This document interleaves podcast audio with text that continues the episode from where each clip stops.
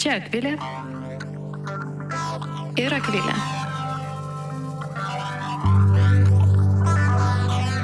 Savaime nesuprantama.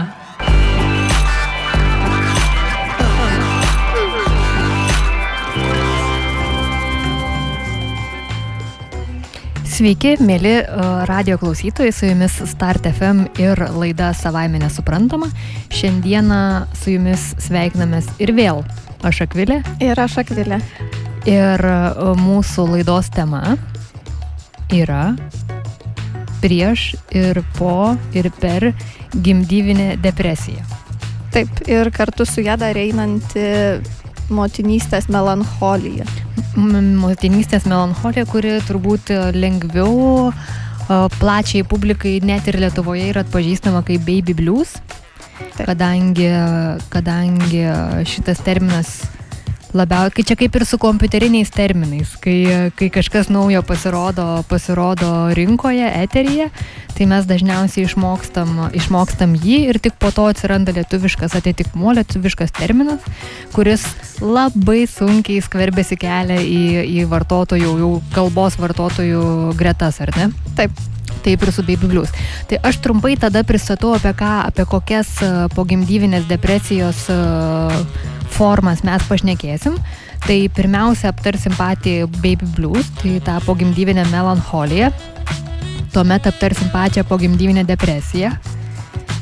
Ir na, apie ją daugiausiai, jai daugiausiai dėmesio mhm. skirsim. Galiausiai pašnekėsim apie tai, kaip pogimdyvinė depresija pasireiškia tėčiose.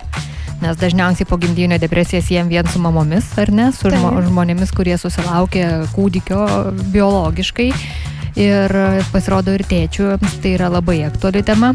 O jeigu jie ir nepatiria pogimdyvinės depresijos, jiems vis tiek yra aktualu žinoti šią temą. Uh, Taip, ir ne tik tėčiams, čia aš kažkaip tai jau truputį užbėgu reikalams už akių. Uh, tai aš kaip pradėjau skaityti apie šitą temą ir ją domėtis, tai aš supratau, kad čia šiaip visiems yra labai svarbu žinoti, nes jeigu mes net patys neturime vaikų, tai mes gyvename šalia žmonių, kurie turi vaikų ir tai gali būti draugė ar draugas, kuris susilaukė ką tik tai kūdikėlio ir turi kažkokių tai sunkumų. Tai čia, man atrodo, yra aktualu absoliučiai visiems. Mhm. Iš tikrųjų ir ypatingai šiais laikais, palauk, pabaigsiu šią mintį, taip. po to, kai pabaigsiu planą pristatinėti. Na tai taip, tada tėčiai, tada e, tėvai, kurie įsivaikina vaikus, tos pačios lyties tėvai ir vieni ir kiti irgi susiduria su pogimdyvinės depresijos, baby blues uh, simptomais ir, ir padariniais ir, ir kančia, nes tai yra kančia. Na ir galiausiai apie pačią istoriją, nes mums kartais atrodo, jog tai yra, kadangi tik dabar imame girdėti, jog tai yra naujų laikų, naujas modernių laikų darinys, tačiau ne, jau nuo, nuo prieš Kristų laikų, nuo Hipokrato laikų apie pogimdyvinę depresiją buvo šnekama, bandyta ją aiškinti. Na ir po šio aptarsim, ką daryti, ko, Taip. ko imtis apie Taip. patarimus. Na tai gerai, tai uh, kokią mintį aš turėjau pabaigti? Tai dabar jau niekas nebesimena. Niekas nebesimena, taip, tai yra tiesiog klasika, žinoma, pažadėti, kad pabaigsi ir nebe, na gal atšoks, kaip kažkas, mano viena pažįstama sako, nuo smegenų žievės, tai gal atšoks nuo smegenų žievės. Tai atšoks nebejotinai. O dabar gal tokiam trumpam intro pristatysiu vienos iš straipsnių skaitytų mamos e, mintį, jog tai ir uh, tas melancholinis pogimdyvinis melancholizmas, kaip baby blues yra tiesiog lengviau, aš atsiprašau, aš vartosiu baby blues terminą. Gerai, aš pasistengsiu lietuviškai. Tai tu lietuviškai, aš nelietuviškai. Ir pogimdyvinė depresija iš tikrųjų yra pats žiauriausias gyvenimo patyrimas, pačiu gražiausiu gyvenimo momentu ir atvirkščiai. Mhm. Pats bjauriausias, pačiu bjauriausiu gyvenimo momentu, pats gražiausias patyrimas. Tai yra tiesiog du vienas nuo kito neatsiejami reiškiniai. Ir uh, Ir turbūt tame ir yra didžioji, didžioji drama šio, šio dalyko, jog tuo metu, kai norėtum jaustis pats laimingiausias ir pati laimingiausia, dėja, dėja to, to negali, negali padaryti. Taip ir dar nemažesnė drama yra tai, kad iš tikrųjų daugybė mamų ir tėčių irgi, na aišku, daugiausiai kalbėsim apie mamas, e, tai tikrai labai daug žmonių tai išgyvena ir aš nustebau, kokie tai didžiuliai yra skaičiai, kad e, na, daugiausiai yra sutinkama 50-85 procentai e, mamų, tai, tai yra nu, pusė arba gerokai daugiau negu pusė e, žmonių išgyvena tuos tokius labai netikėtus jausmus e, ir turbūt galim jau ir kalbėti apie tai, kaip tai pasireiškia, ar ne, ta motinystės melancholija. Taip, galim kalbėti, bet aš dabar pagalvojau, ar tu ką tik pasakėjai procentus ir aš jų neišgirdau? Taip, 50-85. Taip, tai gerai, nes aš čia truputį užsisvajojau apie, apie tuos laikus, kai aš pati patyriau tuos uh, pogimdyvinių melancholijų ir pogimdyvinių depresijų dalykus. Bet man šiaip taip, žvelgiant į skaičius nuo 50 iki 85 procentų labai na, hum, ne tai, kad jokingai atrodo, bet įspūdingai, kaip gali toks intervalas 35 procentų būti paliekamas. Aš manau, kad tai labai susijęs su tuo, ne, nežinau kaip lietuviškai tai pasakyti, kad daug, daugybė atvejų yra tiesiog neužfiksuojami, mhm. nepasiekia medikų. Ta prasme, žmonės galvoja, kad, nu tai čia tu mm, silpna mm. ir panašiai, ir susitvarkyk, susijimk ir, nu, kiek galima. Susitvarkyk galvą. Jo, jo. Džiaugis. Jo, tik džiaugis. Mhm. Tai, va, tai aš manau, kad dėl to atsiranda Ai, tas toksai mhm. didžiulis, mhm. didžiulis skirtumas, kad manoma, kad tiek e, tų atvejų galėtų būti. Tai gerai. Dabar jau galim kalbėti dabar apie tai, galim. kas vyksta, ar ne? Mhm.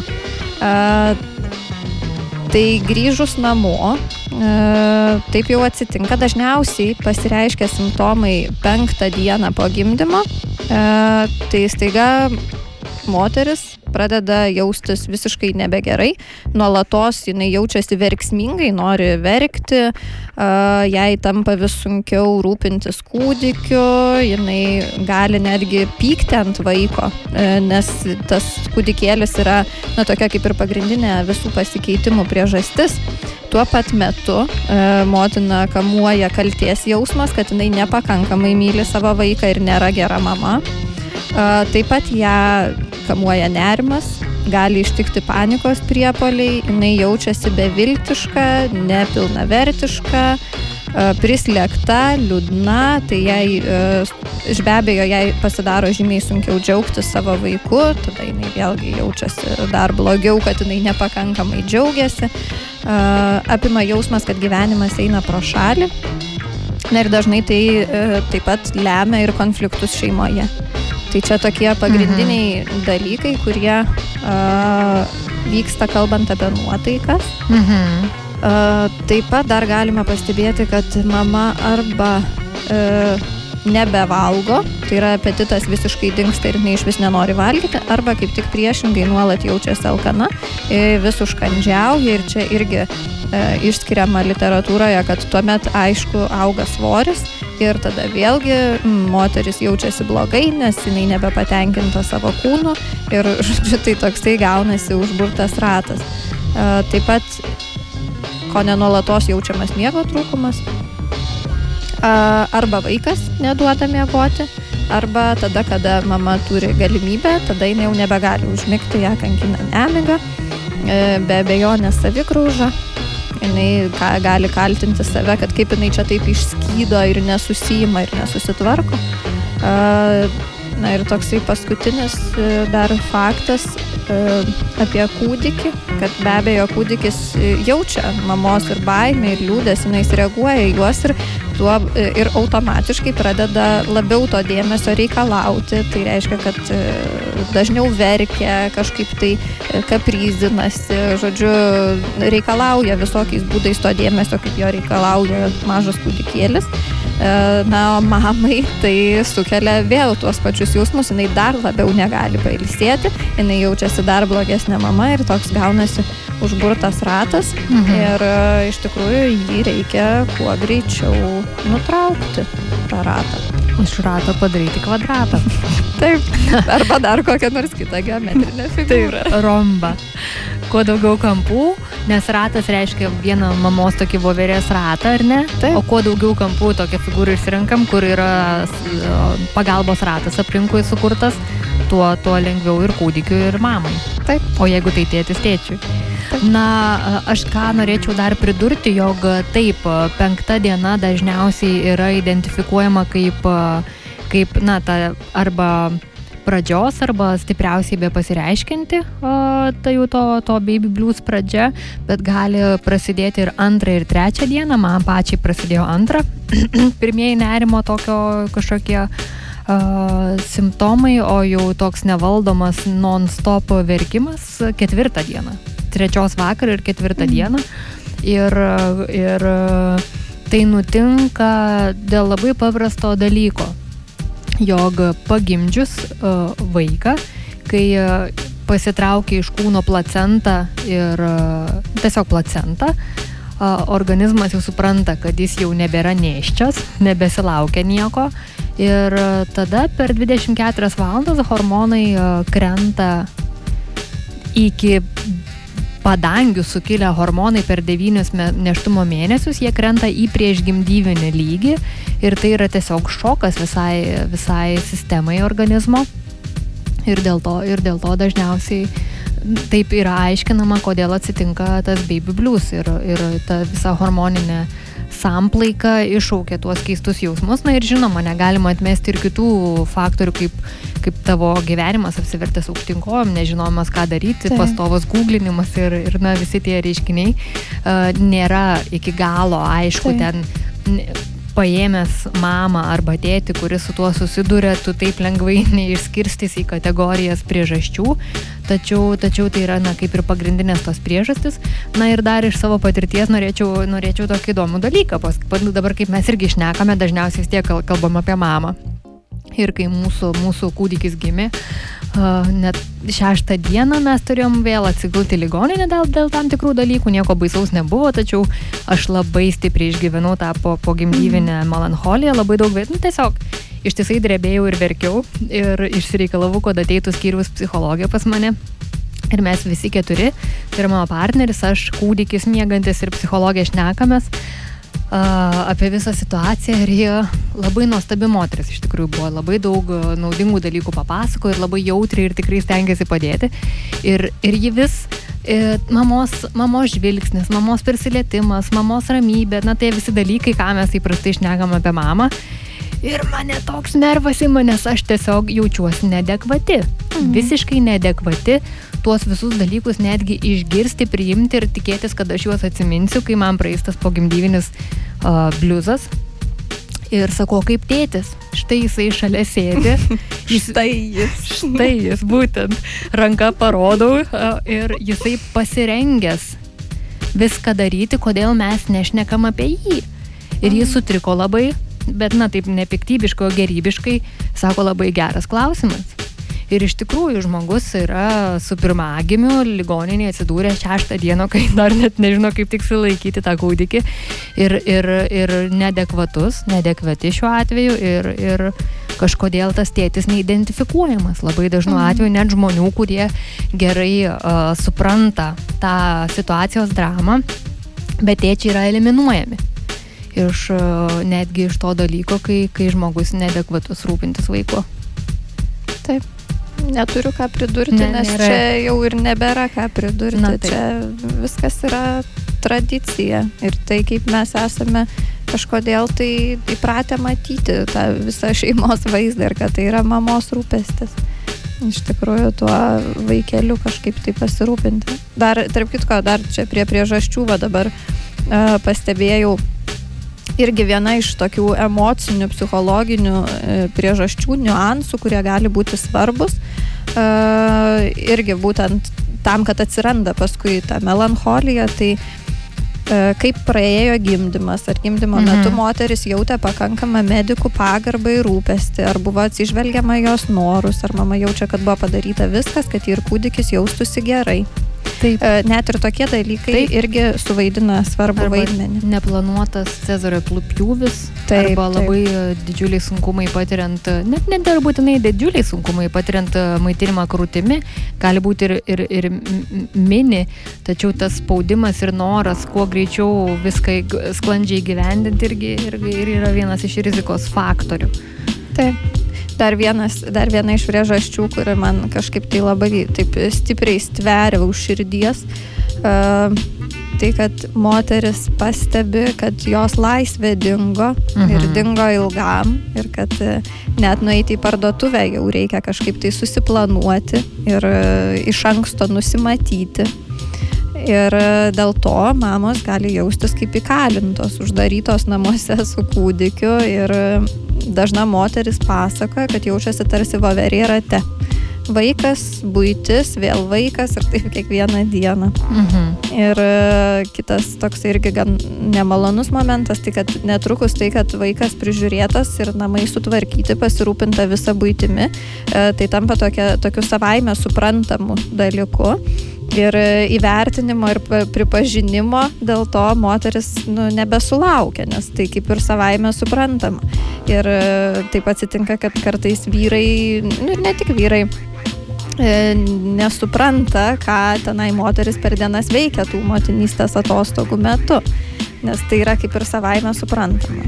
Taip, ir, ir ne tik vyrai, teisingai tu sakai, ir žmonės, Taip. tarkim, mamos, tetos, medicinos seselės, kurios yra užauginusios vaikų arba mačiusios šimtus mamų tą darant, tai dažniausiai ta pagalba, kurios sulaukia, nes vėlgi ne, nebejoju, jog ne iš piktos valios, bet iš to nesupratimo, iš to galvojimo, kad čia modernių laikų, modernios problemos tiesiog sako, visos per tai pereina, visos tai Taip. išgyvena ir pamatysi jau, kai vaikutis ims šypsotis, tu visai kitaip jausies, o tau ta vaiko šypsena dar iki net, net ir nerūpi tuo metu, nes tu galvoji, kam aš tai padariau.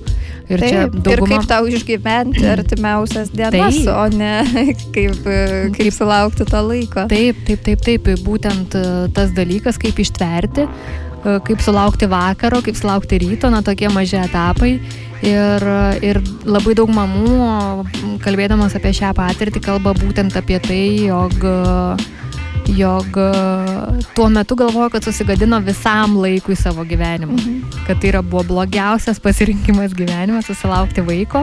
Ir tai kartu vėlgi yra tas didysis, ta didžioji drama, jog tu žinai, viduj giliai, jog tu taip nesijauti, kad viskas bus gerai, bet ta, ta, ta akistata su dabartimi, su ta akimirka, kuri tave yra užklupusi dabar, kai tu net kartais ir daug mamų nenori net vaiko paimti rankas, nes nes, nes, ne, nu, nes neturi tam jėgų, tos yra nedekvačias. Tai, Tai jo, ta drama yra didžiulė. Tai uh, šiaip, na, kalbant apie baby blues, mes čia šnekame, tai jis yra labai panašus ir į pačią pogimdyvinę depresiją. Taip. Tik ten yra, jau, jau baby blues skamba blogai, nes tai yra blogai ir yra, bet pogimdyvinė depresija iš viso yra um, ką žinau, 300 procentų sunkiau išreikšti jausmai, potyriai ir emocijos, negu mes dabar įvardyjome. Bet, bet ką svarbu paminėti, kad Baby Blues tęsiasi statistiškai apie dvi savaitės. Taip. Na, maksimum trys savaitės ir tai turi praeiti. Gali būti, kad baby blues ir trunka kokias tik penkias dienas, tris dienas. Išsiverki ir viskas praeina. Tiesiog tu grįžti į normalią save vėlimi valgyti, jausti skonį ir džiaugtis tiesiog vaiku, kol labai ir norėjai tuos devynius mėnesius ir tris Taip. dienas. Na ir jeigu po dviejų savaičių nepraeina, o viskas eskaluojasi, sunkėja ir blogėja, jau galime prabilti apie pogimdyvinę depresiją. Taip. Čia yra tokie keli punktai, e, kurie man labai patiko. E, tai kada jau dar yra normalu, o kada jau nebe. Mhm. E, tai kada jau tikrai reikia nu, suprasti, kad nebeužtenka artimųjų palaikymo, supratimo ir viso ko, bet jau reikia tikrai kreiptis pagalbos į specialistus, tai reikia atkreipti dėmesį į kelis dalykus ar moteris susitvarko su nauja pasikeitusią situaciją. Tai reiškia, kad jinai netgi ir verkdama, pykdama, burbėdama, bet vis tiek rūpinasi vaiku, e, vis tiek jį rengia, maudo, keičia sauskelnes, maitina ir panašiai, pati išalksta ir pavalgo e, ir esant galimybėj užmiega ir pamiega. E, tai tada čia dar, dar viskas yra tvarkoje, jai tiesiog reikia pagalbos iš aplinkinių, na, kad būtų lengviau, bet e, tai nėra dar tas kritinis atvejis, kai reikia kreiptis į medikus. E, tai čia toliau tęsant irgi, ar pajėgia pasirūpinti vaiku ir savimi pati, kaip pati vertina savo būseną ir kiek laiko tai trunka. Tai va čia yra tokie pagrindiniai dalykai. Jeigu jau e, akivaizdu darosi, kad e, mama ir pati savo būseną vertina labai blogai ir jinai nebeturi jėgų nei moralinių, nei fizinių, nei jokių kitokių pati rūpintis vaiku, tuomet reiškia, kad tai gali būti jau e, depresijos ženklai. Mhm. Na, depresija susirga e, pagimdyvinė depresija maždaug viena iš aštuonių moterų. Mhm. Tai irgi yra didelis skaičius. Tai yra didelis skaičius ir yra toks bendras konsensusas e, šioje srityje besidarbuojančių asmenų, tyriančių šią, šią lygą, šią, šią fazę gyvenimo, ar ne, jog e, nėra raportuojami skaičiai, tie tikrieji skaičiai, kad labai daug mhm. moterų ir vėliau, kai kalbėsim apie tėčius, ir labai daug tėčių, o, išgyvena visus tuos jausmus vieni namuose, tai gali trukti metus, du metus, tris metus. Tai gali būti iš tikrųjų labai ilgi e, gyvenimo tar tarpai, tai nėra trys, dvi savaitės, vienas mėnų. Tai e, jo labiau negydoma, užleista pogimdyvinė depresija ar pogimdyvinis nerimas e, tik gilėja, sunkėja. Ir iš viso darosi sunku atpažinti, ar čia galbūt čia tiesiog esu naujoji aš, o ne, o ne, o ne, o ne lyga, nes dažniausiai ir uh, nėra atpažįstama. Taip, labai tai man atrodo, kad mhm. vat, būtent dėl to tie skaičiai, kaip pradžioje sakėm, tą statistiką 50-85, dėl to jie ir yra tokie. Kad e, tikrai nemaža dalis atvejų tiesiog nu, mhm. nepasiekė specialistų. Būtent. Taip, taip, taip, nepasiekė specialistų ir čia yra ir iš vidinės tos ne, ne, sumaišties, nesupratimo, jog, jog taip neturi būti, jog tam, tam, tam yra priemonių, kaip su tuo tvarkytis, apie juos pakalbėsim vėliau pačioj laidos pabaigoje. Ir kitas dalykas yra socialinė stigma.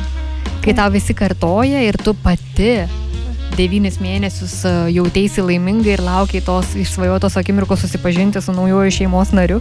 Ir tada pukšt, viskas atrodo visai ne taip, kaip aš kalbu tokia e, lengva, lengvu humoru savo balse, ar ne, bet uh, gal čia tiesiog nepriimki to kaip įžeidimo, nes tai yra mano natūra, natūra kalbėti apie sunkius dalykus e, švelniai, nes, e, nes, e, nes kalbant sunkiai, jie nuo to lengvesni nepasidarys.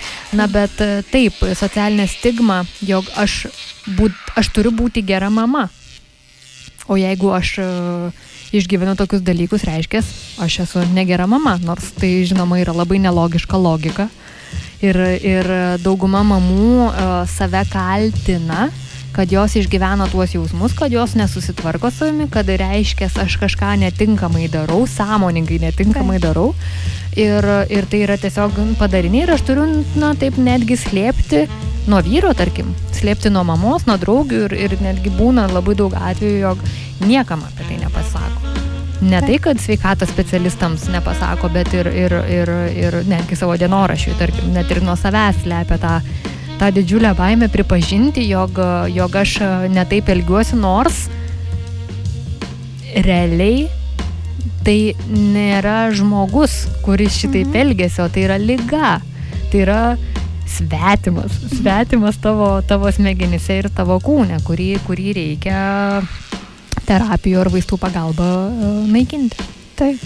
Ir aš beskaitydama ten tuos visokiausius e, straipsnius apie tai, netgi, nežinau, ten mano vaikas, tavo vaikas, tad mūsų, mūsų vaikas, vaikas kaimynų vaikas. Kaimynų vaikas. Irgi buvo straipsnis apie e, būtent pagimdyvinę depresiją. Ir aišku, aš paskaičiau komentarus. Tai buvo keletas e, tokių nu, adekvačių komentarų, kad e, taip sunku išgyvenau, žinau, patyriau, arba kur kreiptis pagalbos ar panašiai, bet be bejonės atsirado viena mamytė, kuri rašė, kad o jezau. Taigi visiems čia sunku, nu, aš va viena užauginau ten e, du vaikus, vyras man visai nepadėjo, visą laiką dirbo, o jūs čia, žodžiu, čia iš dėl išlėpimo mhm. atsiranda šitie mhm. dalykai. Ir e, vat, motina ekspertė, žodžiu, nustatė, kad e, čia yra viskas dėl to, kad yra perskystos blauzdos. Na taip, taip, taip, taip. Ir, ir tai yra taip žiauru ir man taip atrodo, norisi tuos žmonės taip biški ny, pakratyti ir pasakyti, nu, blemba, nu, jeigu tau tai buvo, tai nereiškia, kad nu, čia yra viskas visiems taip vat, gerai ir pavyksta. Ir taip sunku. Tau taip nebuvo. Taip. Nes jeigu būtent. tu iš tikrųjų būtum patyrus tuos visus dalykus, prie ką dar norėčiau grįžtant prie pogimdyvinės depresijos, nepaminėjom pačių esminių skirtumų, kurie skiria pogimdyvinę depresiją nuo baby blues, tai mhm. tai vienas yra būtent, kad viskas yra kur kas intensyviau, kur kas juodžiau ir kur kas e, sunkiau pakeliama ir išgyvenima. Tai e, jau dažniausiai kaip baby blues atveju banguoja, pogimdyvinės depresijos atveju ne, nebanguoja, tiesiog yra tokia beveik nuolatinė būsena ir tie du faktoriai tai yra savižudiškos mintis, savižalos mintis mhm. ir, ir arba mintis, jog nori sužaloti savo kūdikį, arba mintis, jog bijai sužaloti savo mhm. kūdikį. Laikai rankose ir tau gali tokia visiškai kosminė idėja praskristi, o kas dabar būtų, jeigu aš jį va štai paleisčiau iš rankų, arba, arba kas būtų, jeigu aš paimčiau peilį ir kažką padaryčiau kūdikiui. Na tai yra uh, nemažai mamų kalba apie būtent panašias mintis ir turint galvoje, kiek apie jas nekalba, tai yra baisu pagalvoti, kokie yra skaičiai. Bet būtent, kad va čia va ir kaip pasakyti, ir ta pati mama išsigasta tų minčių ir dėl to apie jas nekalba. Ir čia ir yra ženklas, kad viskas, tu sergi, ta prasme, tai yra jau va tas svetimas tavo taip, kūne, kuris, taip. kuris kažkaip tai e, tas mintis tokias įkyrės kažkaip sukelia ir, ir tai nesi tu ir tai nėra tavo mintis. Ne. Ir reikia ir kreiptis pagalbos. Reikia būtina ir ekspertės mamos, ekspertės draugės, ekspertai dėdės ir taip toliau labai nepadeda su savo tuo, mhm. ai tai tu buvai nepasiruošusi tapti mama, arba ar tavo gimdymas buvo sunkus čia, na, ar visos taip pat ir, ir taip toliau, nes ir taip įprastam žmogui yra labai sunku kreiptis į psichologinę pagalbą, pasakyti garsiai, kad aš turiu sunkumų, su kuriais pati nebesustvarkau ar pats nebesustvarkau. Na, o tokie, o tokie nepa, neparaginimai, netgi kažkokie kalties perkelimai labai nepadeda. Sveiki, sugrįžę į savaime nesuprantamą laidą. Aš vis negaliu atsidžiaugti mūsų pavadinimu, man jis toks žaismingas. Tai į savaime... Kaip mes čia šmaikščiai pavarėm. Kaip, labai šmaikščiai. Į savaime nesuprantamą laidą apie pogimdyvinį liūdis ir dabar galvoju, kaip net ir šiai temai puikiai tinka pavadinimas, nes atrodo, tas na, gimdymas ir vaiko ateimas į pasaulį mums paprastai, na ir, ir net tiems, kas patiria pogimdyvinės depresijas, pogimdyvinės psichozės ir nerimą ir baby blues, vis tiek yra vaiko ateimas į pasaulį ten euforinis dalykas, ekstazinis dalykas ir tai yra savaime nesuprantama. Taip. Kaip išgyvenus pačius juodžiausius savo gyvenimo lapus, patirtis, praktiškai tą, pir, tarkim, pusę metų kovojant su savižudiško mintim, suprasti tai kaip didžiausia laimė gyvenime, ar ne? Taip. Įspūdinga. Tai, tai, tai e, dėkui Dievui, dievams ir, kam, ir medikams, ir, ir partneriams, ir kaimynams aplinkui, kurie padeda išsikapstyti iš to mhm. ir, ir, ir grįžti į savo laimę. Na, o dabar grįžtame prie depresijos. Taip, pasidžiaugiam truputį. Pasidžiaugiam truputį e, ir užtenka. E, dabar norim pašnekėti apie, apie vyrų, apie vyrų situaciją kai skaitai kokius užsienietiškus straipsnius, dažniausiai iš kokios BBC, britaniškus, amerikietiškus ar švediškus, dažniausiai yra rašoma apie moterų pogimdyvinę depresiją. Mes jau labai daug žinome, jau daug labai kalbėta, visas pagalbos ratas, institucinis aparatas yra sureguliuotas suteikti joms pagalbą, bet dabar prabilgėm ir apie vyrus. Mes ateinant į laidą juokiamės, kad Lietuvoje kalbama Apie moteris mes vis dar nieko nežinome, bet jau reikia kalbėti ir apie vyrus, nors Taip. ir apie moteris dar nieko nežinome. Tai, tai dalykas tas, jog ir vyrai susiduria su pogimdyvinė depresija. Nu, apie moteris kalbama, jog viena iš aštuonių patiria, apie vyrus, kad vienas iš dešimt, bet tie skaičiai, aš taip gan atsargiai linkčiau jais, jais operuoti, nes uh, Nes e, skirtingos studijos skirtingus skaičius, e, skaičius e, praneša ir realiai tas vienas iš aštuonių ir vienas iš dešimt yra mažiausi. Taip, bet man atrodo, kad tie skaičiai labai e, sveika juos taip savo įsivardinti tam, kad e, suprastume, kad tai yra labai dažna iš tikrųjų ir mhm. daug dažniau negu gali šiaip pasirodyti. Ir daug dažniau negu statistinis e, lietuvis, lietuvė, tokia kaip aš, uh, suvokia tą pasaulį. Ta prasme, aš iki šios laidos tikrai negalvojau, kad tai yra taip dažnai pasireiškiantis dalykai. Taip, aš iki savo pogimdyvinės depresijos taip negalvojau ir, ir, ir aš visada galvodavau, jog tai yra na tų jau, jau žiauriai, žiauriai kažkam nepasisekė, žmonės su rimtom problemom gyvenime, na ir tai tiesiog jau greičiausiai jiems buvo neišvengiama. Taip, pasirodo, pas... žmonės be rimtų problemų irgi tai gali patirti. O pasirodo, kad čia yra praktiškai loterija. Taip, tai yra loterija, nors mes ir rizikos faktorius galime įvardinti, bet, bet realiai tie rizikos faktoriai gali net ir, ir, ir kažkaip Na, žodžiu, tai yra loterija, ne, ne, nebesiplėtokim. Na, o grįžtant prie vyrų, Tai vienas dalykas, ką svarbu labai yra įvardinti, jog tu neturi biologiškai pagimdyti vaiko, kad išgyventum tuos jausmus. Ir vėlgi reikia prisiminti, ką laidos, laidos pradžioje sakėme, jog pogimdyvinė depresija šiais laikais jau linkstama ją vadinti nebe pogimdyvinė, bet ir prieš ir per gimdyvinę, kad tai yra ir vyru atveju prasideda ir prieš gimdymą, prieš jau prieš sulaukiant to vaiko pasaulyje. Ir kol moteris, moterų atveju simptomai dažniausiai pasireiškia viduje, tos visos mintys, savigrauža, na, na jau apie tai, ką kalbėjome, vyrų daugiausia pasireiškia į išorę. Mhm. Kaip ir apie kitus psichologinius nestabilumus. Taip. Šių šių lyčių atžvilgių. Ir uh, vyrai yra linkęs griebtis alkoholio, ar ne? Taip, alkoholis arba narkotikai tai po to kitų priklausomybę sukeliančių veiklų kaip lošimas arba video žaidimai. Taip, ir apskritai jie darosi agresyvesni, jie dažnai savo tą e, tokią neviltį, beviltiškumą ir panašiai, jie išreiškia pykčių, mhm. konfliktais, mhm. žiaurumu. E, Šlikščiais komentarais ir taip. žmonai, ir vaikui. Ir taip. žinoma, iš karto eina kartu kaltė, ką aš čia darau, taip, bet taip. tai gimdo tik dar didesnį tą, tą, tą agresiją. Didžiulis nuovargis dar irgi. mhm. Izolacija, tai pasitraukia nuo Na, taip. draugų.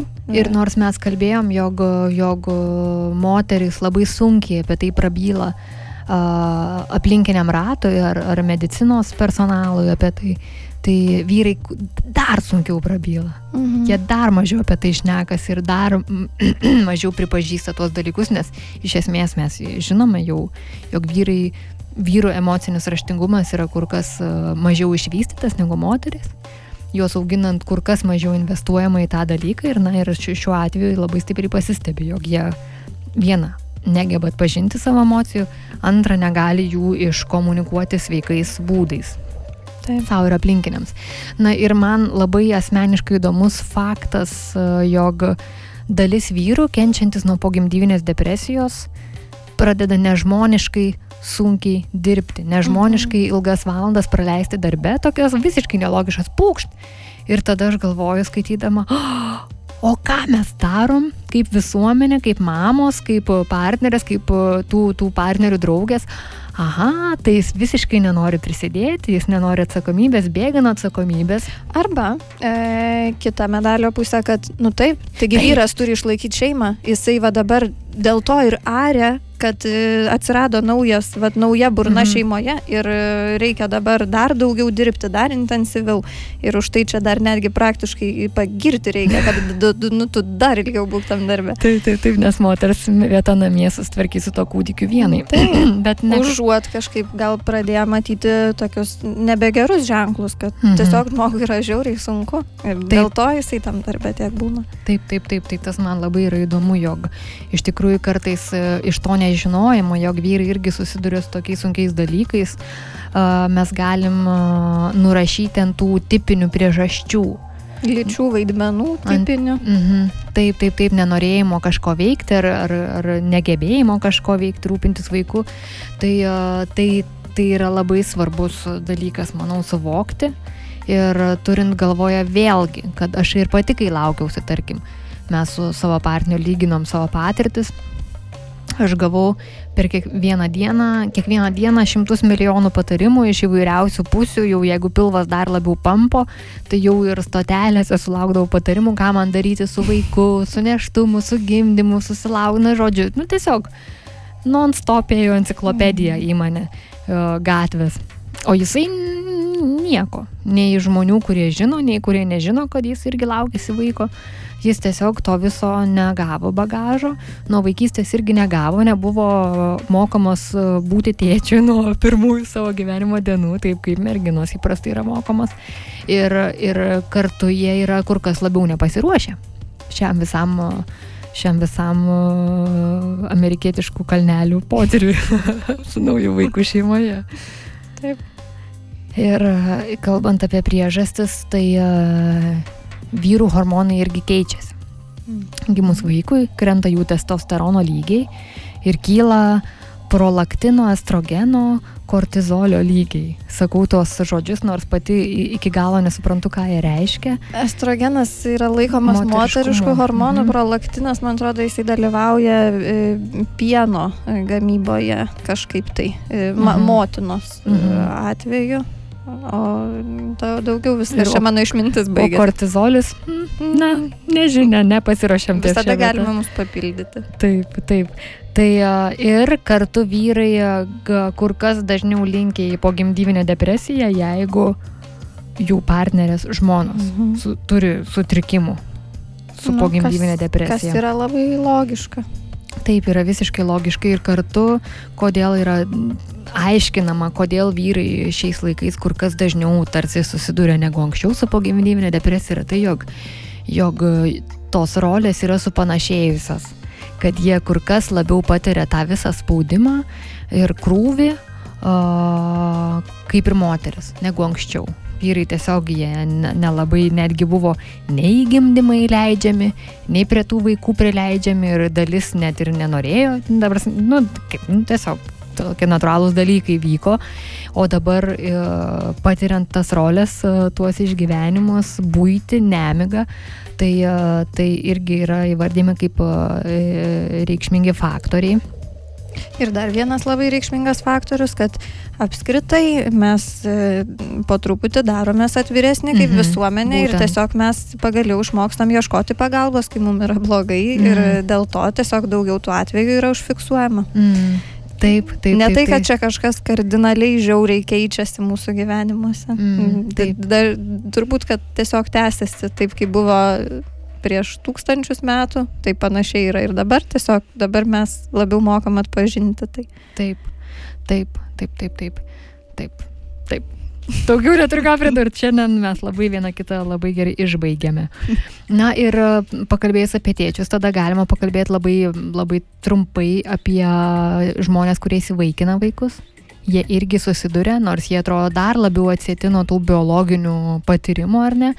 Tačiau, tačiau irgi kaip faktoriai vardėjami, jog jie gali du metus kovoti dokumentų karą, galiausiai gauti vaiką ir, ir tada susidurti su sunkumais, kuriant ryšį, negauti balionų baby boy ar baby girl, iš niekas tos euforijos ne, nepatiria, kaip neišreiškia iš aplinkos, kaip su ką tik gimusiu kūdikiu, ir ta tokia akistata irgi nepadeda mesgant ryšį ir, ir išgyvenant tuos jausmus.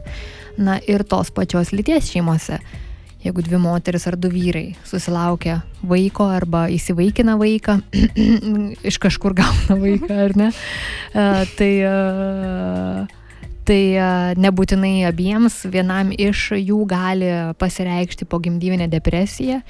Ir kaip mes matome iš kitų pavyzdžių, tai yra tiesiog visiškai normalus reiškinys, vis dėlto apie tai, kadangi tai mažai yra kalbama, tai vėlgi būna tiesiog žaibas iš dangaus ir tada eina ta vidinė savikalta ir kadangi visuomenė vyrauja pastoviai ta, ta diskusija, ar, ar, ar, hete, ar homoseksualūs žmonės gali auginti vaikus, ar jie turi savybių, mes jau visi žinom tuos visus argumentus.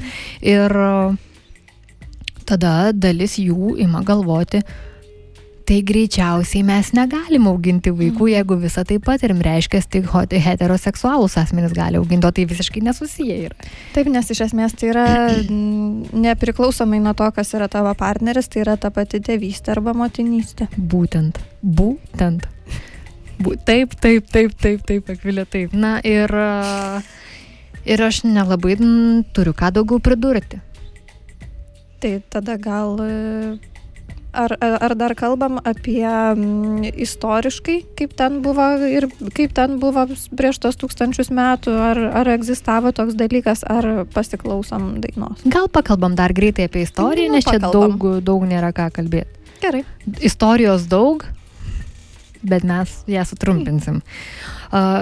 Kai aš pati kentėjau nuo pogimdyvinės depresijos ir ėjau pragaro ratus siekdama Lietuvoje pagalbos savo, man visada buvo labai įdomu, ar tai pačiai man buvo įdomu, kadangi aš nieko nežinau, ar tai yra, kaip anksčiau būdavo, kaip, mhm. tiesiog kaip kaip tai vykdavo, ypatingai kai, kai sunkiausiais atvejais mamos uh, nusižudo. Na tai yra labai mažas procentas, bet tas procentas yra per didelis, labai dramatiškas.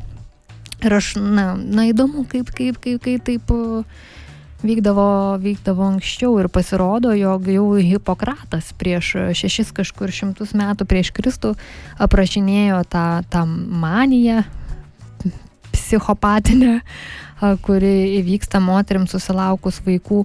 Ir jisai darė tokią prielaidą, jog o prielaida apie tūkstantį metų dar gerokai gyvavo, jog kai pasitraukia placenta ir, ir tas vaisiaus vandenys, jeigu jie kažkokiu netinkamu būdu, nesu tikra, kokiu ten netinkamu būdu pasitraukia, tai jie gali sukilti į smegenis. Ir tada, mhm. na, tie visi simptomai pasireiškia. Mhm. Na ir, ir dar vienoje laidoje apie kai moteris, kuriuoms teko apsimesti vyrais, kalbėjom apie tokią pirmąją pasaulio gynekologę, Trotulą iš Salerno, kuri šiaip buvo moteris, bet Renesanso laikais visi jos darbai buvo perrašyti vyro vardu, nes niekas netikėjo, kad moteris jos galėjo parašyti. Tai ji irgi labai 13 jau amžiuje kalbėjo apie pogimdyvinę depresiją, jog uh, irgi tada gim, uh, neštumo metu labai su, sukyla skyščiai ir tai yra tiesa moters organizme. Ir jeigu lab, per daug drėgna yra gimda, tai tada irgi gali uh, paveikti smegenis ir tada ašarų, ašarų pavydalu išeina, išeina visas tas skyščių perteklius. Na, Nes kažkaip juk turi pasišalinti, na, tai ašarų pavydalu. Taip, tai tokie labai įdomus aiškinimai. O viduramžiais, raganų laikais, tai pogimdyvinė depresija tiesiog reiškia, kad tu esi ragana ir tave reikia sudeginti. Arba ir nuskandinti. Kuris kitas dalykas. Taip. Taip, tai viduramžiai aš skaičiau ir tiesiog irgi namie juokiausi, kad hm, čia net nereikia skaityti, kad kiekvieną tai... nukrypimą galėtum sudeginti. Tai taip, tiek tos, tiek tos istorijos. Yra ir iš kitų kultūrų, ne vakarų kultūrų. Yra Indonezijoje kažkur yra tokia malajų gentis, malajų kultūra, kuri e, tiki, kad yra tokia dvasia, kuri, kuri tame vaisiaus vandenyje ir placentoje gyvena ir jeigu ji yra įsižeidusi, nepatenkinta, tai sukelia visus tuos e, verksmus, apetito netikimus, visas tas mintis nemigas. ir nemigas ir taip toliau. Uh, tai uh, taip, aplink pasaulį ir per visus amžius amžinuosius pogimdyvinė depresija egzistavo. Taip. Tai nėra. Gal ne visada visiškai tiksliai interpretuojama. Oi, ne. Bet, bet taip, taip, pasirodo čia nieko naujo. Taip, po XIX amžiuje ją gydė opimu. Nu va. Nu va, taip. Sveiki sugrįžę, o mes turime labai mažai laiko, bet labai daug ką aptarti.